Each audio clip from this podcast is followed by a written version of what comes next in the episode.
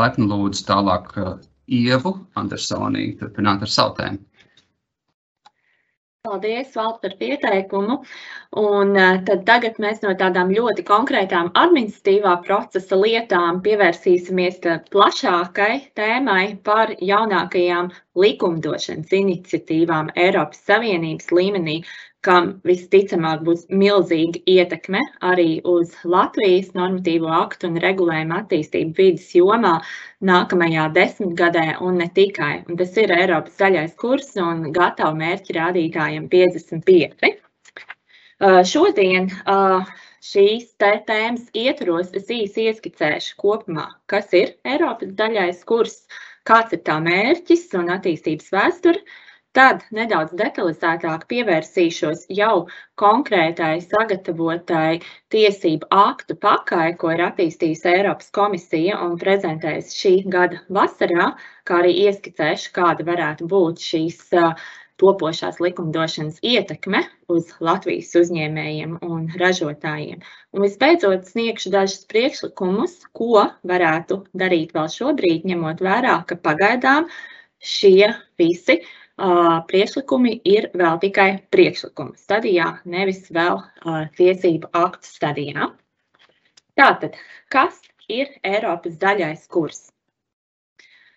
Eiropas zaļais kurs ir darbību kopums, jeb būtībā tāda kā politiska programma Eiropas Savienības ietvaros, lai veicinātu resursu efektīvu izmantošanu. Mērķis ir ļoti skaists un ilgtermiņa, ņemot vērā globālo sasilšanu, tiešām satraucošos notikumus saistībā ar klimata izmaiņām, par ko, kā jau valsts minēja, arī pasaules līderi šo, šonadēļ spriež Glāzgovā. Arī Eiropas Savienība par to ļoti aktīvi domā un vēlas pāriet uz tīru aprits ekonomiku, lai samazinātu klimata pārmaiņas, mazinātu bioloģiskās daudzveidības zudumu un piesārņojumu. Tā rezultātā ir sagatavota programma par Eiropas zaļo kursu, kas aptver būtībā visas ekonomikas nozares it īpaši transportu, enerģētiku, lauksaimniecību, kā arī nekustamo īpašumu. Un, protams, rūpniecības nozars, īpaši tērauda un cementa ražošana, bet arī vieglo rūpniecību, informācijas komunikācijas tehnoloģijas, te, tekstilu izstrādājums un ķīmiskās vielas. Politiskā programma. Tas viss ir ļoti skaisti, bet, protams, lai kaut ko darītu un panāktu reālajā dzīvē, ir nepieciešams arī tiesiskā regulējuma izmaiņas, un tad apskatot Eiropas zaļā kursa attīstības vēsturi. Tālāk, ja, mēs arī redzam, ka tieši tas ir virziens, kurā Eiropas komisija iet. Proti, lielais mērķis tika izvirzīts jau pirms diviem gadiem, 2019. gada beigās, kad Eiropas komisija pieteica Eiropas zaļo kursu un paziņoja galveno mērķi. Mērķis ir kļūt pilnībā klimata neitrāliem līdz 2050. gadam. Ko nozīmē klimata neutralitāte? Tas ir, ka būtībā visas siltumnīca efektu gāzu emisijas tiek pilnībā kompensētas ar oglekļa dioksīda piesaisti. Tas nozīmē, ka netiek vairs uh, mūsu klimatā un atmosfērā noraidīti šie kaitīgie izmeši. Tas ir lielais mērķis līdz 2050. gadam - pilnībā klimata neutralitāte. Lai to sasniegtu, tika gatavoti dažādi plāni, stratēģijas, no kuriem kā interesantākos es gribētu izcelt pagājušo gadu pieņemto Eiropas Savienības biodaudzveidības stratēģiju, un uh, stratēģiju par ilgspējīgām pārtikas sistēmām no lauka līdz galdam, kas uh, diezgan būtiski varētu ietekmēt arī lauksaimniecības sektoru. Uh, 20. gada vidū tika arī prezentēts klimata mērķa rādītāju plāns un pieņemts Eiropas klimata pakts kā politiska vienošanās par mērķiem. Savukārt Šis gads, 2021. gads, jau iezīmē pārēju no politiskām stratēģijām un plāniem uz tiesību aktu pieņemšanu. Un pirmais būtiskais tiesību akts jau ir pieņemts. Šovasar, 9. jūlijā, tika pieņemta regula 2021 svītra 1119, jeb tā sauktais Eiropas klimata likums, jeb akts, kurā jau regulas līmenī un regula, atgādināšu, ir tieši piemērojams tiesību akts, kas uh, ir tieši piemērojams Latvijā bez papildus ieviešanas, ir noteikti šis klimata neutralitātes mērķis līdz 2050. gadam, kā arī starpmērķis izmešu samazināšana par 55% salīdzinājumā ar 1990. gada līmeni jau pēc deviņiem gadiem, līdz 2030. gadam. Un lai sasniegtu šo visai ambiciozo un nevairs pārāk ilgtermiņa mērķi, 14. jūlijā Eiropas komisija pieteica ļoti apjomīgu tiesību aktu projektu paku, kas ir nosaukti par gatavi mērķi rādītājiem 55, jeb, nu, šeit es arī esmu ierakstījis anglisko nosaukumu, kas ir tāds īsāks un labskanīgāks Fit for 55 bet latviskais oficiālais tulkojums gatavi mērķi rādītājiem 55. Ko tad tas īsti nozīmē? Tātad tā ir tiesību aktu priešlikuma pakete, kurā ietilps gan priešlikumi jaunām regulām un direktīvām, gan vairāku esošo regulu un direktīvu grozījumi ar mērķi pielāgot Eiropas Savienības klimata, enerģētikas, zemes izmantošanas, transporta un arī nodokļu politiku tā, lai sasniegtu šo starpmērķi 55% emisiju samazinājumu līdz 2030. gadam. Apskatīsim tālāk, kādas priešlikumus šī paka ietver. Ļoti daudzus, īsi sakot. Šeit es esmu uzskaitījis visus no tiem, bet, protams, ierobežotā laika dēļ un arī tāpēc, ka šie priekšlikumi aptver ļoti, ļoti dažādas industrijas jomas, es detalizēti visus no tiem neapskatīšu. Bet, kā redzat, priekšlikumi aptver jomas sākot no emisiju kvota tirzniecības sistēmas, beidzot ar mežsaimniecību, lauksaimniecību, nodokļiem, avio industriju, kuģiem, klimata sociālo fondu un viegliem automobīļiem. Tiešām ļoti plašs tēmu lokus. Un šodien es apskatīšu tā ļoti arī, protams, konspektīvā līmenī, ņemot vērā, ka šie visi tiesību aktu projekti ir arī ļoti sarežģīti. Manuprāt, interesantākos no tiem, un kas varbūt arī varētu vistiešāk iespaidot Latvijas uzņēmējs un ražotājs. Ejam tālāk. Tātad viena no svarīgām jomām ir Eiropas Savienības emisiju kvotu tirsniecības sistēma, kas ir spēkā jau šobrīd, bet šobrīd tā aptver aptuveni 40% no kopējām siltumnīca efekta gāzu emisijām. Savukārt atlikušos 60% aptver kopīgo centienu regula, kas attiecas uz transporta, rūpniecības un lauksaimniecības emisijām.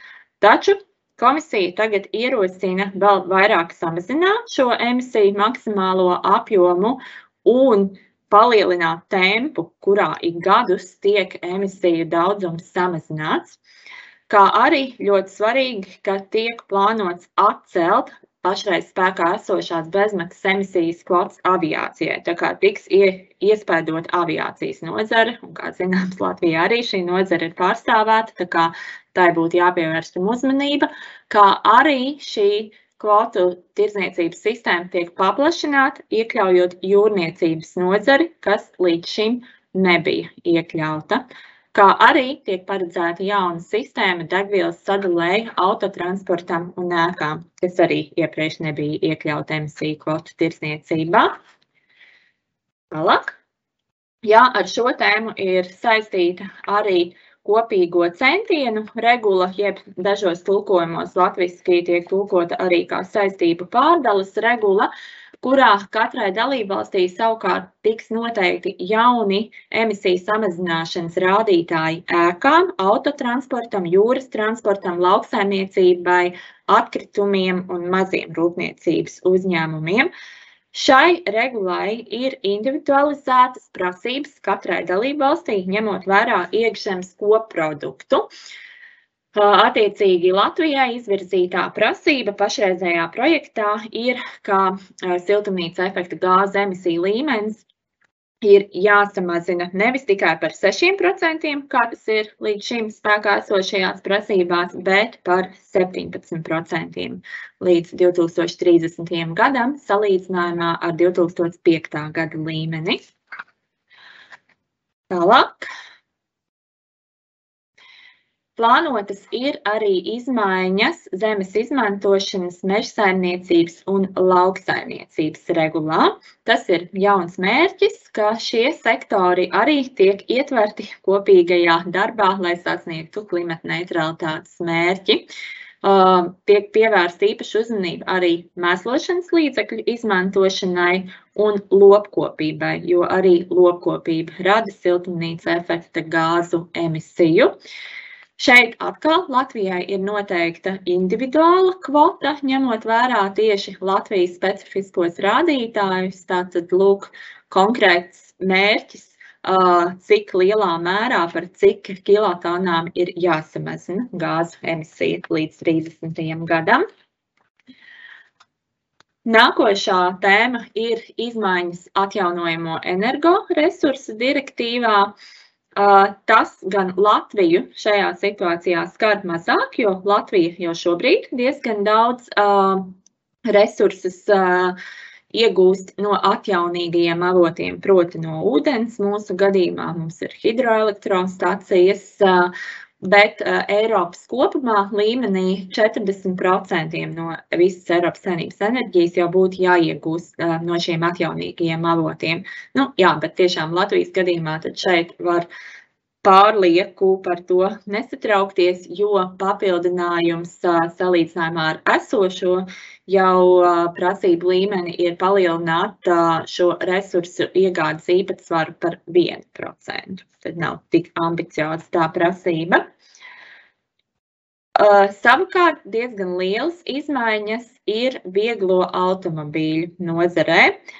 Būtībā ja šie priekšlikumi stāsies spēkā pašreizējā redakcijā, tad varam gaidīt, ka turpmāko 10 un 20 gadu periodā tas, ko mēs redzam uz ielām, būs pamatīgi mainījies. Proti, ir gandrīz divkāršoti energotaupības pienākumi dalību valstīm attiecībā uz automobīļiem un arī uz ēku renovāciju. Uh, Ir mērķis virzīt ēku renovāciju, un tāpēc publiskajam sektoram ir izvirzīts pienākums katru gadu, katru gadu, tātad katru gadu ietvaros renovēt vismaz 3% no tā ēkām. Nu, tātad šeit varētu būt diezgan lielas izmaiņas. Savukārt uz vieglajiem automobīļiem jau līdz 55% ir jāsamazina vidējais emisiju daudzums līdz 30. gadam un jau līdz 35. gadam par 100%. Tātad, ja šis priekšlikums stāsies spēkā, tad jau no 2035. gada pēc 14 gadiem visiem jaunajiem vieglajiem automobīļiem, kas reģistrēti, būtu jābūt bez emisijām. Par šo priekšlikumu cita starpā noris šobrīd diezgan spraigas diskusijas, kā tas arī bija sagaidāms. Par nodokļiem ļoti īsi, ka jā, ir paredzēts arī, ka vajadzētu Eiropas Savienības ietvaros nodokļu politiku un nodokļu likumus veidot tā, lai nodokļu politika mazinātu kaitīgās sekas, ko rada emisijas, un tā vietā tiktu ieviesti tā sauktie zaļie nodokļi, kam ir mazāka ietekme uz uh, izaugsmi. Kā arī komisija ierosina saskaņot energoproduktu aplikšanu ar nodokļiem un virzīt šo kopā ar Eiropas Savienības enerģētikas un klimata politiku, kā arī vajadzētu atcelt Eiropas komisijas ietveros ieskatā novecojušas atbrīvojumus un samazinātas likmes, kas pašlaik veicina fosilā kurināmā izmantošanu. Un uh, priešlikums, kas, uh, kura mērķis ir nodrošināt, ka jaunā zaļā kursa politika dod labumu ne tikai Eiropas saimnībai, bet arī globāli, tiek ievests oglekļa ievedkorekcijas mehānisms, kas nozīmē, ka Eiropas emisiju samazinājumi dod ieguldījumu arī globālo emisiju samazināšanā, nevis veicinātu, piemēram, kaitīgas ražošanas pārcelšanu uz zemēm ārpus Eiropas Savienības. Tad tam arī ir paredzētas zāles. Ko tas viss nozīmē? Šī tiešām ļoti, ļoti plašā tiesību aktu projektu pakete. Ko ar to latviešu uzņēmējiem, kas to tagad visu lāstām, varbūt saķer galvu un domā, kā tagad dzīvot, ko vispār var darīt šajā sakarā vēl. Ir jāņem vērā, ka šie visi ir pagaidām vēl tikai priekšlikumi. Tie ir Eiropas komisijas priekšlikumi, par kuriem vēl būs jābalso gan Eiropas parlamentam, gan Eiropa padomēji. Tātad ir iespēja iesaistīties vēl šo priekšlikumu apspriešanā un izvērtēšanā, un dažādas nozares asociācijas Eiropas Savienības ietvaros jau to aktīvi dara. Tāpat to ir iespējams darīt arī uh, Latvijas asociāciju līmenī, piemēram, iesaistoties un uzzinājot mūsu Eiropas parlamenta deputātus. Uh, Saistībā ar šo Eiropas zaļo kursu gribēju pievērst arī uzmanību, ka Latvijā arī top jau šobrīd viens jauns normatīvais akts. Tas ir uh, Latvijas klimata likums, kas šobrīd ir izstrādāts jau likuma projekts, ir pieejams vidas un reģionālās attīstības ministrijas mājaslapā. Kas arī jau Latvijas likumdošanas līmenī dažus no šiem mērķiem plāno ieviest tiesību aktos, un ir šobrīd paredzēts, ka šis Latvijas klimata likums varētu stāties spēkā uh, 22. gada uh, 1. decembrī, taču pašlaik tas vēl ir apspriešanas stadijā. Tā kā noteikti arī par šo likumu ir iespējams vēl izvirzīt savus argumentus un priekšlikumus. Uh, pēdējais slaids ir par to īsumā, kā notiek tiesību aktu pieņemšanas un grozījumu pieņemšanas process Eiropas Savienības ietvaros, arī lai ieskicētu to, nu, ka ja šovasar ir šie komisijas priekšlikumi uh, publicēti, tad kas vēl notiks ar tiem turpmāk līdz pieņemšanai. Uh, Pēc komisijas priekšlikuma publicēšanas tie tika nosūtīti nacionālajiem parlamentiem, tā skaitā Latvijas Republikas saimai. Un parlamentiem ir iespēja līdz 8. novembrim iesniegt par tiem sākotnējos viedokļus, tā skaitā par subsidiari, subsidiaritāti. Tas ir Eiropas Savienības tiesību jēdziens, kas paredz to, ka Eiropas Savienība var lemt tikai par jautājumiem, kas ir tās kompetencē, un uh, uh, dalība valstis var iebilst un norādīt, ka varbūt šis jautājums nemaz nav Eiropas Savienības kompetencē.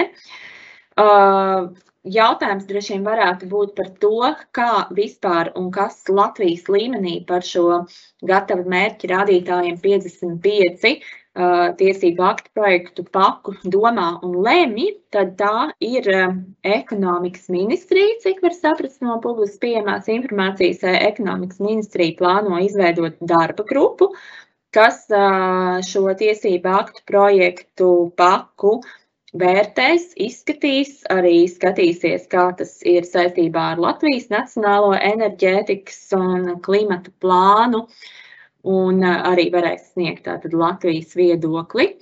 Tālāk, kad Eiropas komisija būs apkopojusi dalību valstu viedokļus un savas konsultatīvo komiteju viedokļus, tad ir plānots, ka būs gala ziņojuma projekts un nodošana Eiropas parlamenta atbildīgajai komitejai. Šobrīd īsti nav skaidrs, kad tas varētu būt. Eiropas komisijas mājaslapā ir norādīts, ka līdz 14. decembrim šogad ir plānots, ka varētu uh, gatavot šo ziņojumu, bet tas iespējams ir mainīties. Uh, pēc tam notiek tāda procedūra kā trialogs, kas ir diskusijas starp Eiropas komisiju, Eiropas uh, padomi un Eiropas parlamentu. Kuru ietvaros tiek mēģināts panākt vienošanos par tiesību aktu galīgo redakciju un tālāk jau balsošana. Tā kā, kamēr notiek viss šis process, tik tiešām var izmantot pilsoniskās līdzdalības iespējas dažādu asociāciju ietvaros un sniegt savus viedokļus par šiem projektiem. Tas arī viss no manis. Paldies!